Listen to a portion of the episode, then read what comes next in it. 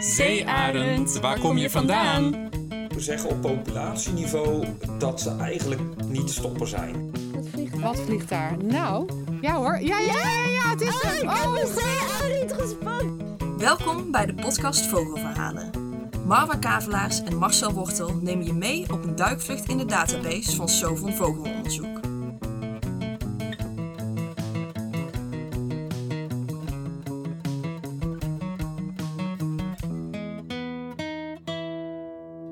Welkom luisteraar bij weer een nieuwe aflevering van de podcast Vogelverhalen. Zoals altijd vanuit de archieven van Sovon. Ja, hey en Marwa, de vorige keer vertelde je dat we het gingen hebben over één van de grootste vogels van Nederland. Ja, dat klopt. Ja, maar dus niet de grootste.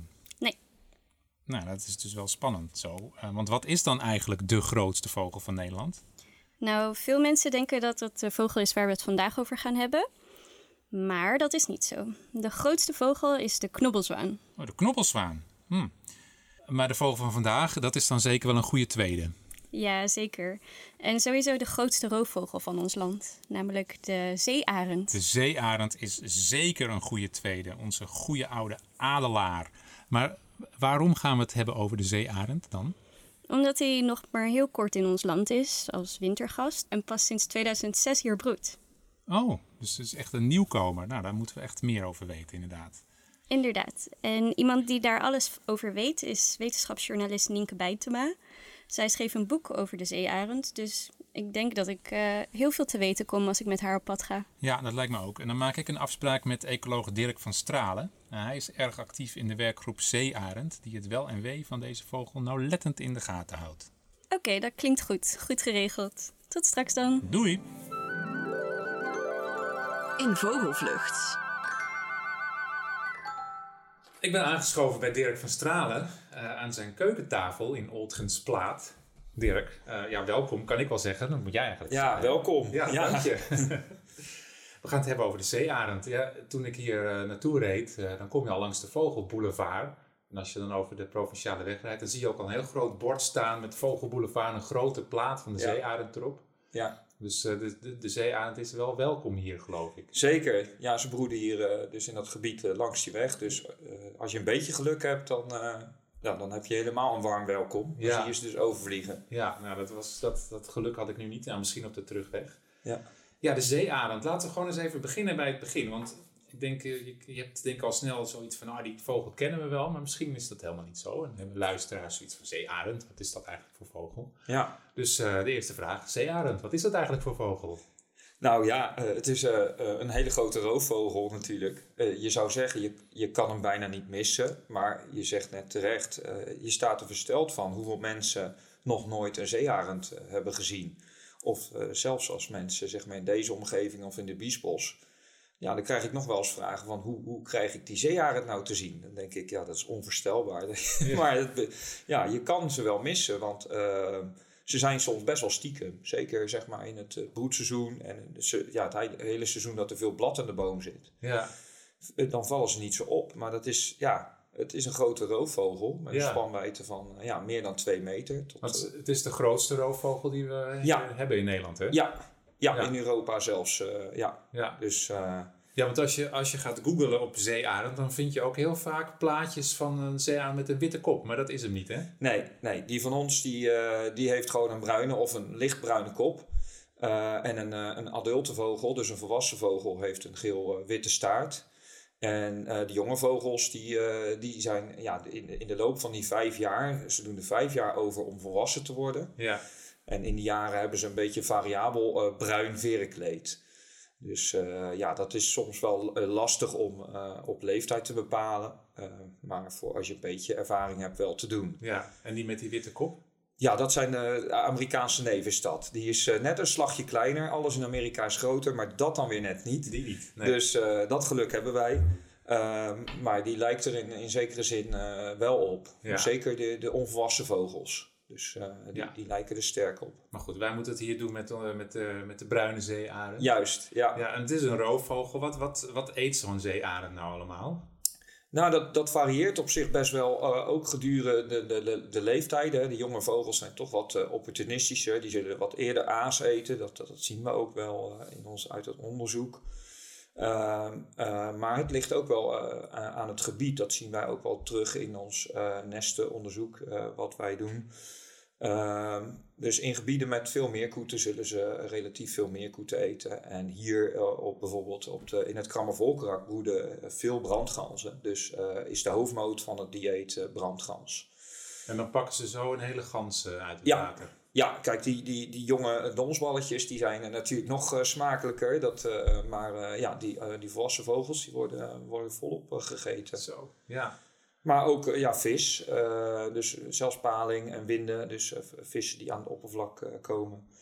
Ehm, ja, hier vinden we relatief veel hazen ook als prooi. Ehm, dus dat is best wel gevarieerd. Ja. Ja. ja. Nou, nou is de zeearend, um, die komt hier natuurlijk nog niet zo lang voor. Nee. Uh, sinds 2006. Ja, toen hadden we het eerste broedgeval in de Oostvaartsplassen. Ja, en sindsdien uh, gaat het hard, hè? Ja, het gaat vrij hard. Uh, ja, we zitten dit, dit, jaar zaten we dus al op 30 paren met, met nest. Zo. Ehm, uiteindelijk kwamen daar 22 paren tot, tot broeden. Dus maar goed, ja, die groei is er nog niet uit. Nee. En, en ja, waar gaat het heen? Hoeveel zeearenden zie je nog, uh, uh, zie je nog gaan broeden in Nederland? Ja, dat is, dat is best wel lastig. Wat, wat we wel langzaam maar zeker zien, is dat ze op, op plekken gaan broeden uh, die we misschien in 2006 nog niet hadden verwacht. Zoals? Ehm, dus dus ehm, wel altijd op rustige plekken. Maar wel steeds dichter bij mensen, dus langs snelwegen. En dan zou je zeggen, ja, dat is hartstikke druk. Maar zolang auto's zeg maar constant langs zoeven en mensen niet uitstappen, is er niks aan de hand. Dan kun je dus gewoon langs die snelweg broeden. Ja. En, en dat zijn vaak van die bosjes, van die vergeten bosjes, die, Ja. die in Nederland nog relatief rustig zijn. Uh, dus daar liggen nog volop kansen. Uh, ja, ik heb ooit wel eens gezegd, ja, die 50 paar moeten we wel redden. Maar uh, ja, misschien is er nog wel meer mogelijk. Dus op deze manier, uh, als we gewoon langs snelwegen gaan broeden, Ja. dan hebben we er heel wat van in Nederland. Klopt. Ja, en verdichting van de populatie. Hè. Dus we zagen heel lang dat er ongeveer 10 kilometer tussen het een en het andere nest eh, zat. Ja, Nou, je ziet dus in de regio's waar eh, rond Flevoland, het Zwarte Meer, onder andere, da- daar, daar zie je al verdichting. ja. Maar dat betekent dus ook dat er meer dan voldoende voedsel voor, de, voor die vogels te vinden is. Ja, voedsel is voor zeearenden in Nederland eh, zeker niet de limiterende factor. Nee. nee, nee, zeker niet. Dat, Nee. nee. nee. Ik verwacht zelfs, dat, dat, dat, dat zien we ook wel van, van vogels die wij gezenderd hebben, die, die zo lang op de Veluwe kunnen rondhangen. Ja, als ik op de Veluwe kom, dan denk ik, ja, wat moet, wat moet zo'n zeearend daar eten? Maar eh, de- er is dus blijkbaar zelfs daar, op die gortroge heides, voldoende eh, ja, eten te, te, te halen. Ja, dan, en dan vraag ik me af, want het beest heet natuurlijk de zeearend. Nou is op de Veluwe de zee heel ver weg. Ja, Maar precies. is de, is de zeearend überhaupt gebonden aan de zee? Nou, in Nederland zeker niet. Het is eh, die, die, die eh, ja, zeg maar Neder-Duitse populatie, dat is eerder een, een, een zoete arend. Dus die is meer aan, aan, aan, eh, aan meren gebonden. Dus waarschijnlijk is het ja, in het Duits, zeeadler, dat het daar vandaan komt. Oh ja, natuurlijk. ja.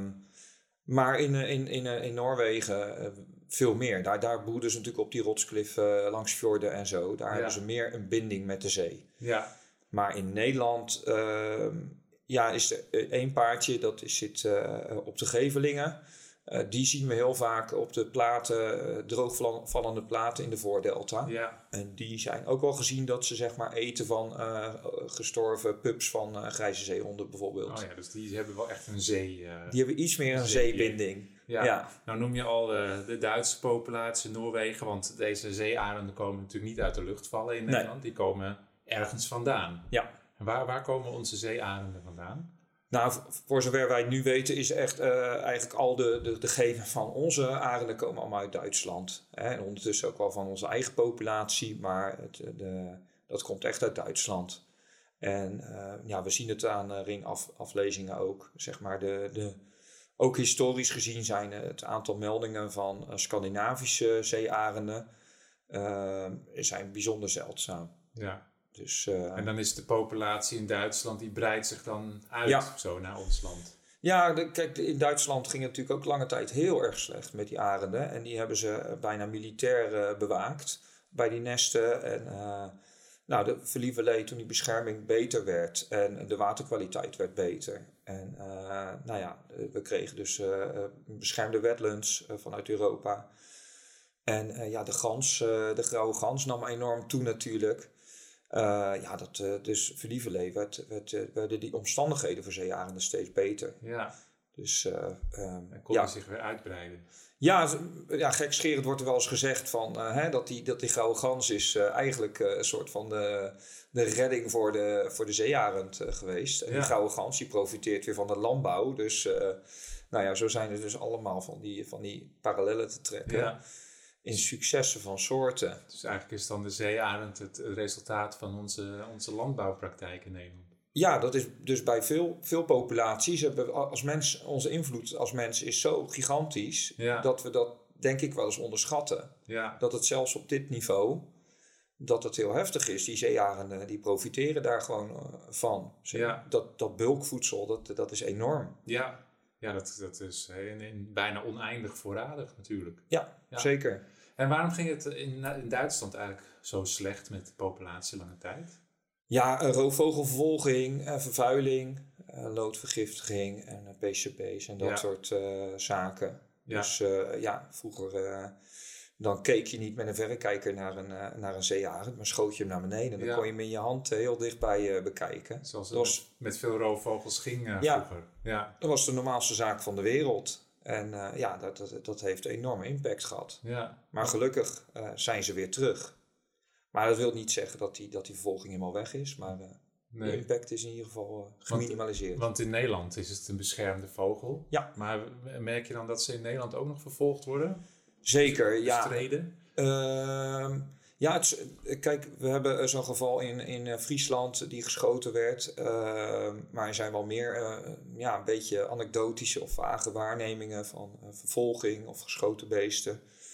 Ehm, hier in het Kammervolkrak is een vergiftigde vogel aangetroffen. Die is, heeft waarschijnlijk vergiftigd aas gegeten wat neergelegd was voor vossen. Ja, ja. Dus eh, ja, dat, dat komt nog wel voor natuurlijk. Dus eh, ja. ja, er zijn, eh, ja, we hebben er niet altijd bewijs voor, maar er zijn wel nog een aantal eh, van dit soort gevallen. Dat we denken van ja, het lijkt toch alles op dat, Verdachte omstandigheden. ja, ja, Ja. helaas. Ja, want denk, ik- is de zeearend zeg maar, nog veel vroeger? Kwam die vroeger ook in Nederland voor? Nou, ehm, volgens mij uit, uit, uit opgravingen en zo weten we dat, eh dat voorkwamen. Maar eh, zeg, het was in 2006 was het zich mensenheugenis de eerste keer dat ze tot broeden kwamen. ja, Ehm, het lijkt me sterk dat het ook echt zo was. Dus ik, ik neem aan dat, dat Nederland altijd wel in, in, in, in het verre verleden altijd wel broedgebied is geweest van, Ja. van zeearenden. daar hebben we nu dus eigenlijk niet echt goed bewijs meer van. Nee, buiten dus die botten van vogels. Ja, Maar ja. Dat, ik denk dat dat veelzeggend is. ja. ja. Nou ja, en nou noem je dus al de, de roofvogelvervolging vergiftigd aas. Eh, we hebben het over snelwegen gehad. Eh, Ja. Die populatie zeearenden gaat eh, natuurlijk, die neemt toe, maar er zijn ook bedreigingen voor de, voor de Zeker. soort. Wat zijn nou de belangrijkste bedreigingen voor de zeearend?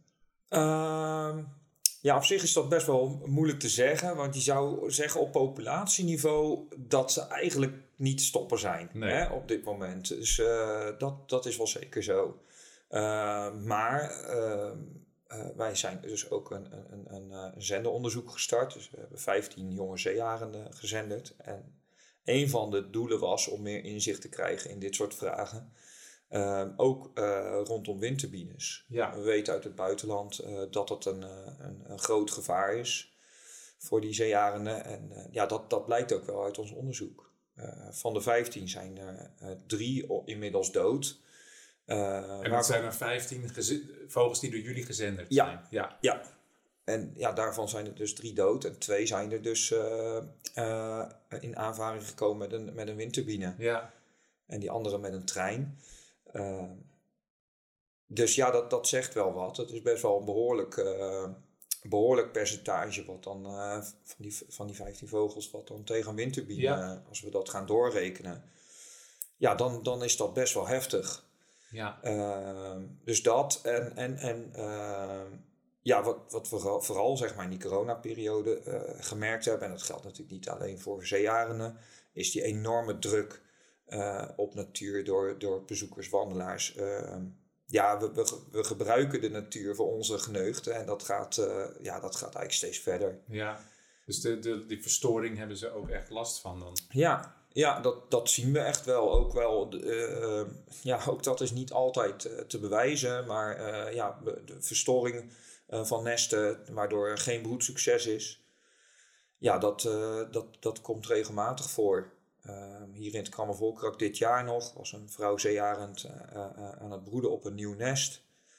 En op, ja, ze was zeg maar een kleine week aan het broeden, dus aan gebroedhouding. Dus nou, helemaal blij. En nou, in dat weekend kwam er een melding van een kamperende sportvissers. Ja. Dat is zeg maar in eh, ja, waterrijk Nederland een heel groot probleem. wat nog steeds toeneemt. En eh, die waren dus onder het nest aan het kamperen Oh. in het weekend. Ja. Eh, helaas eh, geen toezichthouders op het water. Dus ehm, ja, na het weekend zeearenden verdwenen en de vissers ook. En tot mijn grote verbazing stond ik in de week erop bij het oude nest aan de Zeeuwse kant van het Krammervolkerak. En lag daar het vrouwtje in broedhouding. Ik dacht, wat krijgen we nou? Hebben we Dat is gewoon verhuisd. Ja, ik dacht in eerste instantie, ja, we wisten helemaal niet dat dit soort dingen voorkwamen. Ehm, dus in eerste instantie dachten we, ja, hebben we misschien een tweede paardje over het hoofd Ja. gezien. Eh, maar ja, dat leek ons al heel erg stug met zoveel ogen in het veld. Eh, maar ze, ja, waarschijnlijk had ze dus, eh, ja, als een, een, een zeearend vrouwtje bevrucht is, duurt het dus een aantal dagen voordat ze een ei ligt. Dus Ja. waarschijnlijk was de nood hoog en heeft ze, ja, wist ze nog van dat oude nest en gauw naar de overkant gevlogen. Ja. En het is dus nog goed gekomen ook, want er is nog uiteindelijk een jong uitgevlogen. Dus dat is wel, eh, wel weer een succes dan. Gelukkig maar. Ja. Ja, Ja. Je ehm, noemt het al een aantal keren dat je zenderonderzoek doet en eh, nou, je houdt die zeearenden nauwlettend in de gaten. Je bent voorzitter van de werkgroep Zeearend. Wat, wat doet die werkgroep eh, allemaal? Nou ja, dus dat zender is dus een, eh, een, een onderdeel ervan. Wat we eh, tot 2025, eh, in dat jaar hopen we een beetje dat onderzoek echt af te ronden. Ja. Natuurlijk, als de zenders het blijven doen, dan gaan we gewoon verder. Maar dat is een beetje het, het tijdspad van het onderzoek. Maar daarnaast ehm, ja, zijn we ook heel erg bezig dus met, met de bescherming van die, van die zeearenden en de kennis verzamelen. En dat doen we natuurlijk niet alleen, dus we hebben heel veel ogen in het veld. Ehm, en we werken veel samen met eh, terreinbeheerders en vrijwilligers, eh, ook van Sovon natuurlijk. Ehm, en eh, ja, we ringen elk jaar een x aantal jonge zeearenden, zodat we in de gaten kunnen houden van ja, wat eh, qua dispersie. Want Ja. we kunnen, ja, dat zenderen is hartstikke leuk, maar dat kost veel te veel geld om dat te blijven doen. Dus dat ringen is een relatief goedkope manier om eh, eh, ja, zicht op de populatie te houden. Ja. En ehm, ja, wat we daarnaast doen is ook gewoon wel ehm, ja, praten met overheden en, en, en met eh, ehm, eh, windmolenparken, dus eigenaren van windmolenparken. Dus ja, om dus ja, de bescherming van zeearenden eh, beter voor elkaar te krijgen. ja. Want wat kan een, een windmolen-eigenaar doen om zeearenden te beschermen? Nou, kijk, er zijn een aantal. Kijk, in Nederland eh, is tot nu toe is het enige wat, wat eh, succesvol wordt toegepast, is een systeem wat zeearenden detecteert. Dus je hebt gewoon een detectiesysteem wat je bouwt op je, op je windmolens. En zo'n zo'n systeem is in staat om zeearenden te herkennen. En o- op het moment dat dus een zeearend in de gevarenzone komt, dan slaat de turbine uit. Oké. En er kan dan ook nog gekozen worden om eerst een geluidsmodule af te spelen. En als de zeearend daar niet op reageert, dan slaat hij uit. Ja. Uh, maar dit, dit wordt nog maar op uh, twee windmolenparken uh, op dit moment toegepast. En die zijn allebei in het Krammervolkerak in mijn achtertuin. Dus daar ben ik heel erg blij mee. Ja. Maar het is wel een beetje veelzeggend uh, dat dit nog maar zo weinig geadviseerd en toegepast wordt. Ja. Natuurlijk is het een uh, kostbaar systeem. Alleen uh, onze boodschap is steeds van, ja, wil je naar een duurzame toekomst En eh, op deze manier, met windturbines, dan zou je dus ook rekening moeten houden met eh, je complete leefomgeving. Ja. En wat ons betreft horen daar zeearenden bij. En zeearenden is slechts maar één soort. Maar door dit systeem kunnen wel tal van andere vogelsoorten ook profiteren. En Ja, deze systemen, als ze eh, meer worden toegepast, worden ze vanzelf beter en goedkoper. ja. Dus wij zijn daar eh, best wel enthousiast over. ehm, om, om, om dit. ehm, ja, om daarachter te gaan staan en te zeggen van ja jongens, pas dit toe. En er zijn nog wel andere methodes, alleen ja, we, we- in Nederland zijn die nog niet toegepast. En we weten ook niet helemaal of het zo succesvol is als dit systeem. Nee, je leest ook wel het bericht bijvoorbeeld over zwart geverfde wieken. Ja, Dat, dat doen wij niet. Of daar weten wij niet of het werkt. Ja, het wordt op dit moment als proef toegepast in de Eemshaven. eh, maar het is momenteel juridisch eh, nog niet mogelijk om dit in Nederland toe te passen. Dus dat is eh, een struikelblokje. Oké, Ja, maar dat is toch gek eigenlijk. Dat je, ja. je windmolens niet zwart mag verven. ja ik weet niet eh, precies hoe dit zit. maar volgens mij heeft het met landschap en, en ook met veiligheid voor vliegtuigen te maken. Oké, ja, er zullen ongetwijfeld Ja, allerlei ja, aspecten omheen zitten waar we natuurlijk ook geen kijk op hebben. ja, Ja. Het lijkt een beetje tegenstrijdig, want het, de zeearend gaat natuurlijk Ja. hard in aantallen vooruit. ja. Dus je zou ook kunnen zeggen van nou, die heeft helemaal niet zoveel bescherming nodig. Werkgroep zeearend richt je maar op de grutto.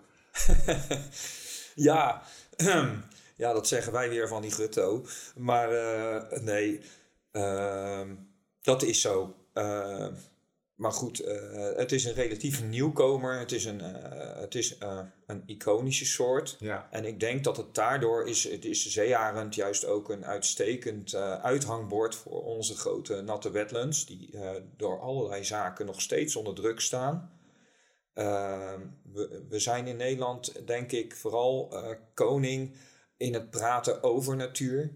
En eh, veel minder goed eh, in het daadwerkelijk beschermen en ja, zorgen dat er netto winst komt voor die natuur. ja, nou, dus dat, daarvoor is zo'n zeearend wel een, een aansprekende soort om je verhaal te kunnen houden. En buiten dat, eh, binnen Nederland komen nog altijd eh, minder dan 100 eh, zeearenden voor. En misschien dat het ongeveer daar tegenaan zit, maar Ja.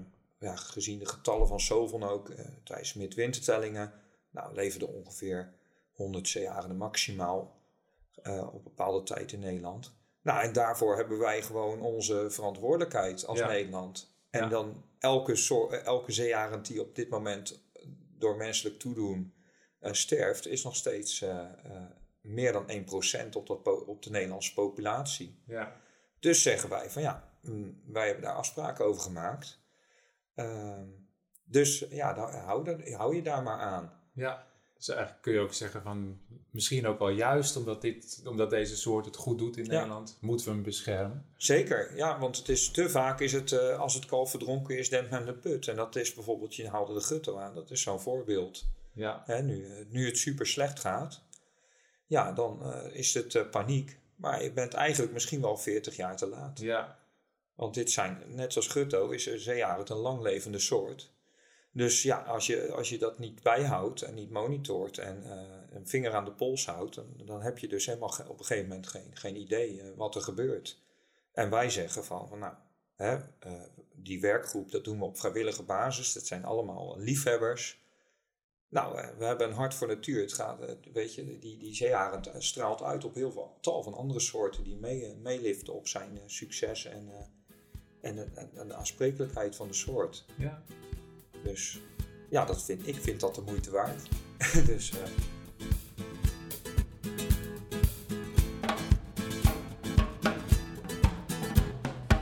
Zoals jullie net hebben gehoord, is de zeearend dus niet meer zo'n zeldzaamheid in Nederland. Toch heb ik er zelf nog maar ooit eentje gezien. Vandaag ben ik naar het noorden van het land afgereisd en hoop ik er weer een te zien te krijgen. En gelukkig krijg ik daar hulp bij. Ik sta hier met Nienke Bijntema en zij schreef het boek De Zeearend. Ze kan me dus vast meer vertellen over de grootste roofvogel van Nederland en me helpen er eentje te vinden. Bevlogen vriend. Staan we hier naast de koeien terwijl jij eh, het meer afspeurt? Ja. Ik heb nog niks gezien, maar ik neem even de tijd. Want soms dan zitten ze echt eh, verstopt. En dan, ze hebben zulke goede schutkleuren dat je echt even goed moet eh, turen. Ze zijn eh, gewoon een beetje bruin. Alleen die volwassen dieren hebben echt die mooie witte staart. Maar de jonge of de jongvolwassen dieren nog niet. Dus dan zijn ze helemaal bruin. En dan vallen ze echt weg tegen deze graspollen. Ja, want normaal zou je dan letten op dat witte dat afsteekt. eh. Ja, of ook gewoon eh, de, het hele beest. ehm, eh, zou goed te zien moeten kunnen zijn hier vandaan. Maar ik ben bang dat we hier nu vandaag geen geluk hebben. Normaal zitten hier ook heel vaak heel veel ganzen. Eh, en dat is eigenlijk waar die zeearenden het meest in geïnteresseerd zijn. In de ganzen? De ganzen, ja, ja. Dat is echt. ehm, die eten ze lief, het liefst. Die kunnen ze gewoon ook slaan uit de lucht. Echt waar? Er loopt even een hooglander door mijn beeld. Oh, Ja, ik heb het helaas nooit gezien, maar ik heb mensen gesproken die het wel hebben gezien. Dat een zeearend gewoon eh, in staat is om een, om een volwassen gans uit de lucht te slaan. En Hoe- hoe doen bovenop ze dat? Ja, ze komen gewoon aanvliegen en met zo'n enorme power in hun, in hun vaart en met hun klauwen. Dat ze zo'n beest vastgrijpen en dat raakt dan in shock en overlijdt of meteen. Of ik heb ook wel eens, ja, eh, eh, de natuurfotograaf Martijn de Jonge, die beschreef heel beeldend aan mij hoe ze soms een gans grijpen en dan in heel ondiep water ermee landen. En dan die gans onder water houden tot die verdrinkt. Zo. Een gruwelijk verhaal. Ja, is erg gruwelijk. Ja. Maar verder eten ze ook gewoon vis. Dat doen ze hier ook. Dat heb ik wel hier gezien. Heel mooi. Dat ze echt laag aankomen, scheren boven het water. En dan gaat dat landingsgestel, die klauwen, die gaan dan uit. En dan grijpen ze heel sierlijk een vis uit het water. Dat gaat dan eigenlijk heel anders dan bij een visarend. Ja, ja een visarend die gaat echt, dat noemen ze bombdiving in het Engels. Die gaat vanaf grote hoogte pats en dan gaat het hele beest ook in het water. Die wordt ook helemaal nat. Een zeearend niet, die doet dat wat sierlijker. Die is bang om zijn verenpak nat te maken. Dus die komt laag over het water aanscheren, strekt dan die klauwen uit en grijpt de vis uit het water. Hmm.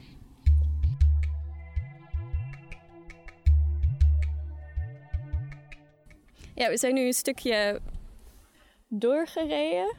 We staan Ja, nu... we, we kijken nu uit over het Zuidlaardermeer. Heel groot is het, echt eh 10 eh, kilometer lang, 15 kilometer lang.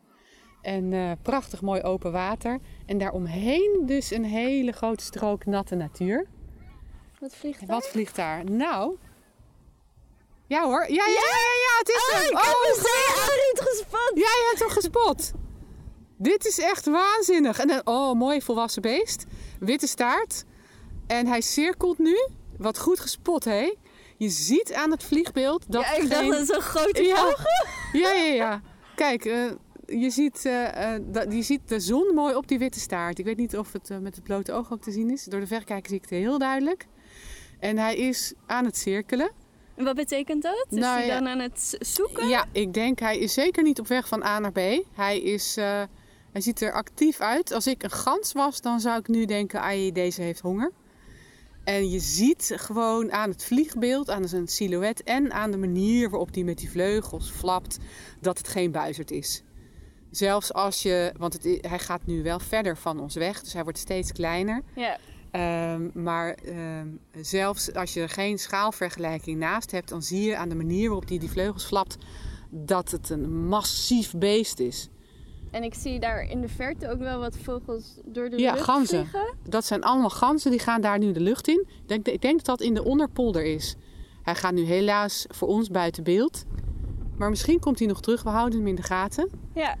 Hij kwam hier dus eh, redelijk dichtbij. Heeft hij blijkbaar ergens op de grond gezeten of in een boompje. ja, want net, net Want zagen net we zagen hem niet. we hem niet. Nee, dit is wel echt super en wat goed Nou. Jeetje, echt. Ik stond eerst die, an- we stonden die andere kant op te kijken. En we draaien ons om, we kijken naar de onderpolder en daar vliegt in één keer dat massieve beest. Ja, geweldig. En het is denk ik een van dat volwassen paar.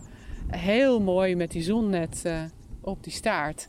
En dan, eh, ja, dan zie je gewoon eh, hoe fantastisch mooi die beesten zijn. Ja, ik, ik begrijp wel wat je bedoelt. Ze zijn zo groot. Ja, Dus ja, ja, ja, jij zag het ook meteen dat het niet een buizerd was. ik dacht, ik, was, ik dacht, wat is dat nou? Ja, nou dan gaan we nu heel even speuren in dit bomenrijtje. Of, want vaak als, je, als er één er is, dan is de ander er ook.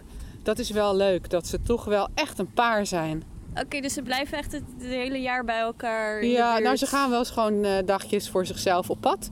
Maar je ziet ze ook met enige regelmaat echt wel met z'n tweeën zitten. En de, de jongen blijven dan ook wel in de buurt hangen. Dat wordt geleidelijk minder. Die Mhm. zijn, het is nu nog relatief vroeg in het jaar. Of tenminste, het is nu eh, begin oktober. En eh, ze kunnen wel echt tot het eind van het jaar nog bij hun ouders in de buurt blijven. Maar dan, ehm, dan gaan de ouders langzamerhand weer aan de gang om zich klaar te maken voor het nieuwe broedseizoen. En dan zullen ze de jongen ook niet meer zo tolereren in hun buurt. Oké. Maar Die moeten nu, dan op eh, zoek naar hun eigen ja. plekje. Ja, en soms gaat dat met enige tegenzin. Ehm, twee jaar geleden was hier een jong dat echt eh, tot eh, in eh, januari, februari, maart bleef hangen. Dat was echt zo'n lui puber die, die, niet, eh, die geen zin had om voor zichzelf te gaan jagen. En die ook tot heel laat, ik was daar toen in november, eh, tot, tot heel laat in het seizoen ook nog werd gevoerd door de ouders. Dat ik dacht van nou jongen, jij bent langzamerhand echt wel groot genoeg om je eigen kostje bij elkaar te scharrelen. Maar die liet zich nog gewoon voeren en die ouders lieten dat nog gewoon gebeuren. Ach, ik ben heel blij dat het toch gelukt is. Ja. Want ik zei net nog, ik acht de kans nu niet meer zo groot. en hop, daar is hij. We worden wel op onze wenken bediend, hè? Ja, jeetje. Ik heb nog maar ooit één keer in mijn leven een eh, zeearend gezien. Dus ik was erg, eh, Erg- benieuwd. erg blij, ja. En eh, wat een succes. En wat Nou, een zicht. Super, ja. En wat een mooi weer om, om... Dat die zon ook zo mooi op die witte staart. Ik hoop dat je dat met het blote oog ook kon zien. Ja, het was prachtig.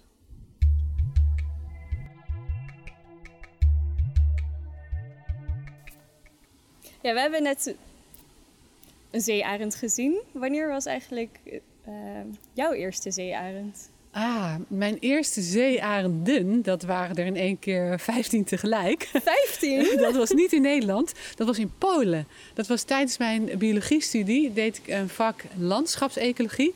En daarbij hadden we een excursie naar Polen. Naar een eh, gebied, het Pene-Hafmoor. Eigenlijk op de grens met Oost-Duitsland, ehm, of eh, voormalig Oost-Duitsland, eh, in de buurt van de Oderdelta.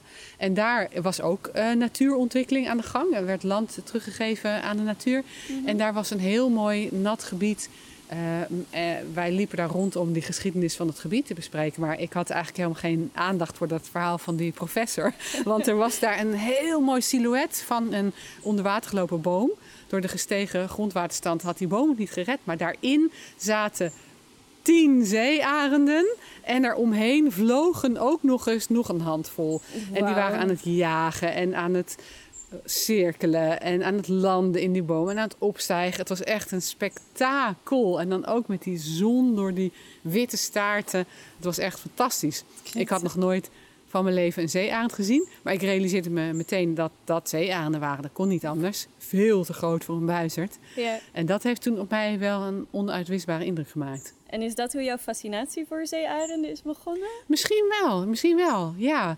Ehm, eh, dat werd nog versterkt doordat ik later nog een keer in het buitenland eh, kans had om veel en vaak zeearenden te zien. En dat was in, een, in Noord-Noorwegen. Je hebt daar de Lofoten en nog een andere eilandengroep, de Westerollen, vlakbij.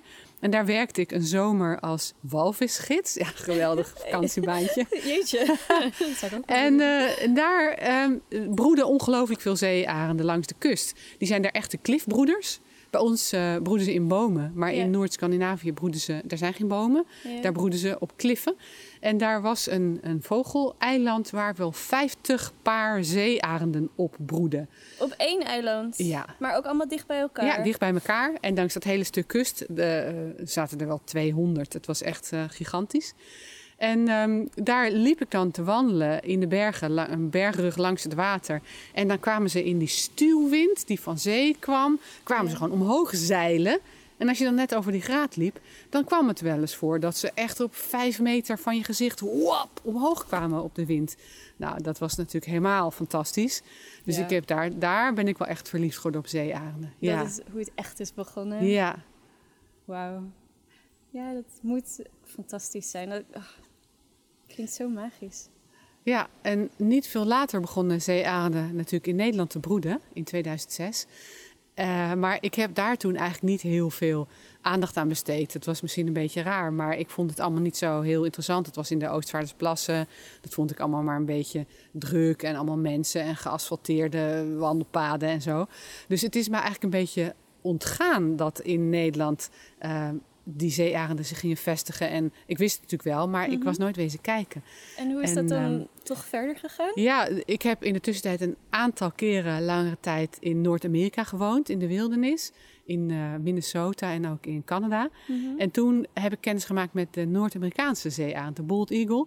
Ook vlak bij ons huis en met schitterende ervaringen. Eh, en terwijl ik die laatste keer in Canada woonde, kreeg ik de vraag van een uitgever of ik in die vogelserie van uitgeverij Atlas een boek wilde schrijven. Ik mocht zelf weten welke soort.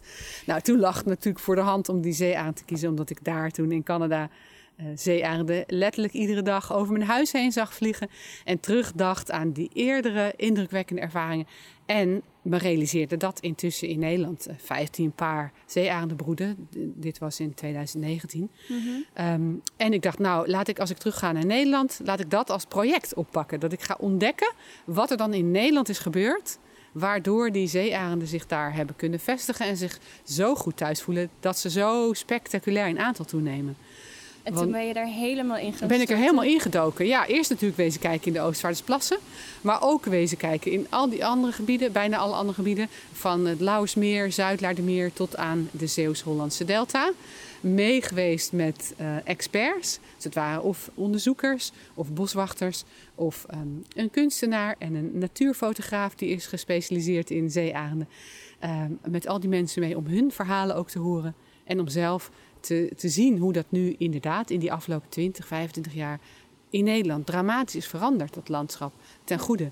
Eh, die natte natuur is echt spectaculair als je dat vergelijkt met 25, 30 jaar geleden. Ja, jij hebt je natuurlijk ontzettend verdiept in de, in de zeearend. Is er iets wat je bent tegengekomen waar je je echt heel erg over verbaasde? Wat je nooit had verwacht? Wat ik nooit had verwacht. Nou, eigenlijk ehm, dat ze nu zo zeer in, in een druk bevolkt land als Nederland het zo ontzettend goed doen. En dan ook niet meer alleen diep, diep, diep weggestopt in de bossen. Maar ook hier, wat we net zagen, 200, 300 meter van een landweg. En in Friesland eh, vlak naast de snelweg. En eh, blijkbaar is er dus toch iets wat zich razendsnel kan ontwikkelen in een soort. ehm, waardoor ze zich aanpassen of minder kritisch worden. Dat vind ik verbazingwekkend. Dat dus eigenlijk de aard van een soort toch blijkt te kunnen veranderen. Dat vind ik wel eh, fascinerend. Dat ze zich kunnen aanpassen aan onze wereld Ja. hier ook. Ja. Nou ja, en wat ik ook verbazend vind is gewoon de biologie van zo'n beest. Dat dat gewoon eh 5, 6 kilo eh, stevige vogel, dat hij zo mooi en goed kan vliegen. Zo wendbaar en krachtig met die klauwen. En ehm, dat ze zo oud kunnen worden, 20, 25 jaar. Het, Oh. het zijn gewoon echt hele indrukwekkende beesten. Die hun hele leven ook eh, bij elkaar blijven als partners. Partners zijn trouw aan elkaar. Ehm, als er eentje doodgaat, dan komt er een ander ehm, misschien voor in de plaats. En dan duurt het vaak toch altijd wel één of twee jaar voordat ze weer eh, op stoom komen. Dus er zit echt wel iets van een soort ja, hele mooie stabiliteit in die, in die beesten. Als individuen ook. Dat vind ik heel erg eh, boeiend. Die plaatstrouw ook, dat dit paardje nu al vijf jaar daar heeft gebroed in dat bosje. Ja, geweldig. Mooi.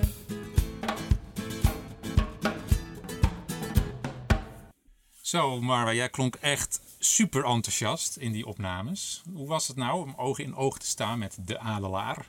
Ja, dat was echt fantastisch. Ik had eigenlijk bijna niet meer verwacht om er eentje te zien.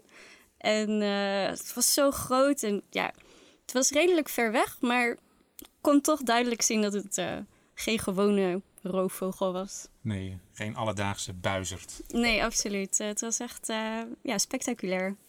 Maar Marcel, ik vraag me eigenlijk af, waarom heb jij het nou steeds over die adelaar? Ja, dat is dus leuk dat je dat vraagt, Marwa. Dat doe ik niet voor niks, want daar heb ik dus een goed verhaal over. Oké, nou, kom maar op met dat verhaal. Nou, ik noemde al eh, Nienke Bijntema, met wie je op pad bent geweest. Die heeft het boek geschreven, De Zeearend. Ehm, en die vertelt ook iets heel interessants over de adelaar. Het Nederlands kent namelijk twee verschillende woorden voor wat de Engelsen eagle noemen. Arend en adelaar. Veel mensen kennen het verschil niet, maar de woorden verwijzen naar dezelfde vogel, maar er is wel een subtiel verschil. Arend gebruiken we in de feitelijke biologische betekenis, terwijl adelaar een connotatie heeft van heraldiek, mythologie en legende. Dus als je mensen over adelaars hoort spreken als het gaat om levende arenden, dan weet je meteen dat ze er geen verstand van hebben. Het woord arend komt van het Middel-Nederlandse aren of ern. En daar is later een stiekem een D ingeslopen, waarschijnlijk via het meervoud. Arenen klinkt immers al gauw als arenden. En aren en ern komen beide van het oud-Noorse urn, of ik weet eigenlijk niet hoe je dat goed uitspreekt. Urn, zo'n O met zo'n puntje erop, weet je. Maar dat betekent zwever. En nog steeds vind je die term in de Scandinavische arendsnamen. En waarschijnlijk is urn te herleiden tot het oud-Griekse ornis, oftewel vogel. En dat is het woord wat je nu nog terugziet in de term ornithologie of vogelkunde. En de adelaar, dat is eigenlijk dus een edele urn. Een adelaar dus. Eigenlijk kan ik hier dus uit concluderen dat jij helemaal niks weet van uh, de adelaar, de zeearend of nou, van vogels. laten we even in het midden laten of ik het over levende arenden had of over de mystieke, heraldieke, mythologische wezens die we wel hmm. adelaars noemen. Oké, nou, als je me maar belooft dat je vanaf nu zeearend zegt. Ik zal, het, uh, ik zal dat doen, maar... Oké, goed zo. Nou, dan is het nu tijd om uh, af te sluiten. Ja, dat lijkt me ook. Ga ik ondertussen Nienke Bijntema en Dirk van Stralen nog bedanken voor hun bijdrage. En jij natuurlijk, de luisteraar thuis, voor het luisteren. En, en Marwa, jij ook bedankt voor jouw bijdrage. Dat mag natuurlijk ook wel eens gezegd worden. Ah, dat is aardig. Dankjewel. Nou, dan is echt iedereen bedankt nu. Tot de volgende keer. Doei! Nog niet uitgevogeld? Voor meer informatie over de onderzoeken van Sovon Vogelonderzoek Nederland bezoek je de website www.sovon.nl. Daar vind je ook hoe je vrijwilliger kan worden.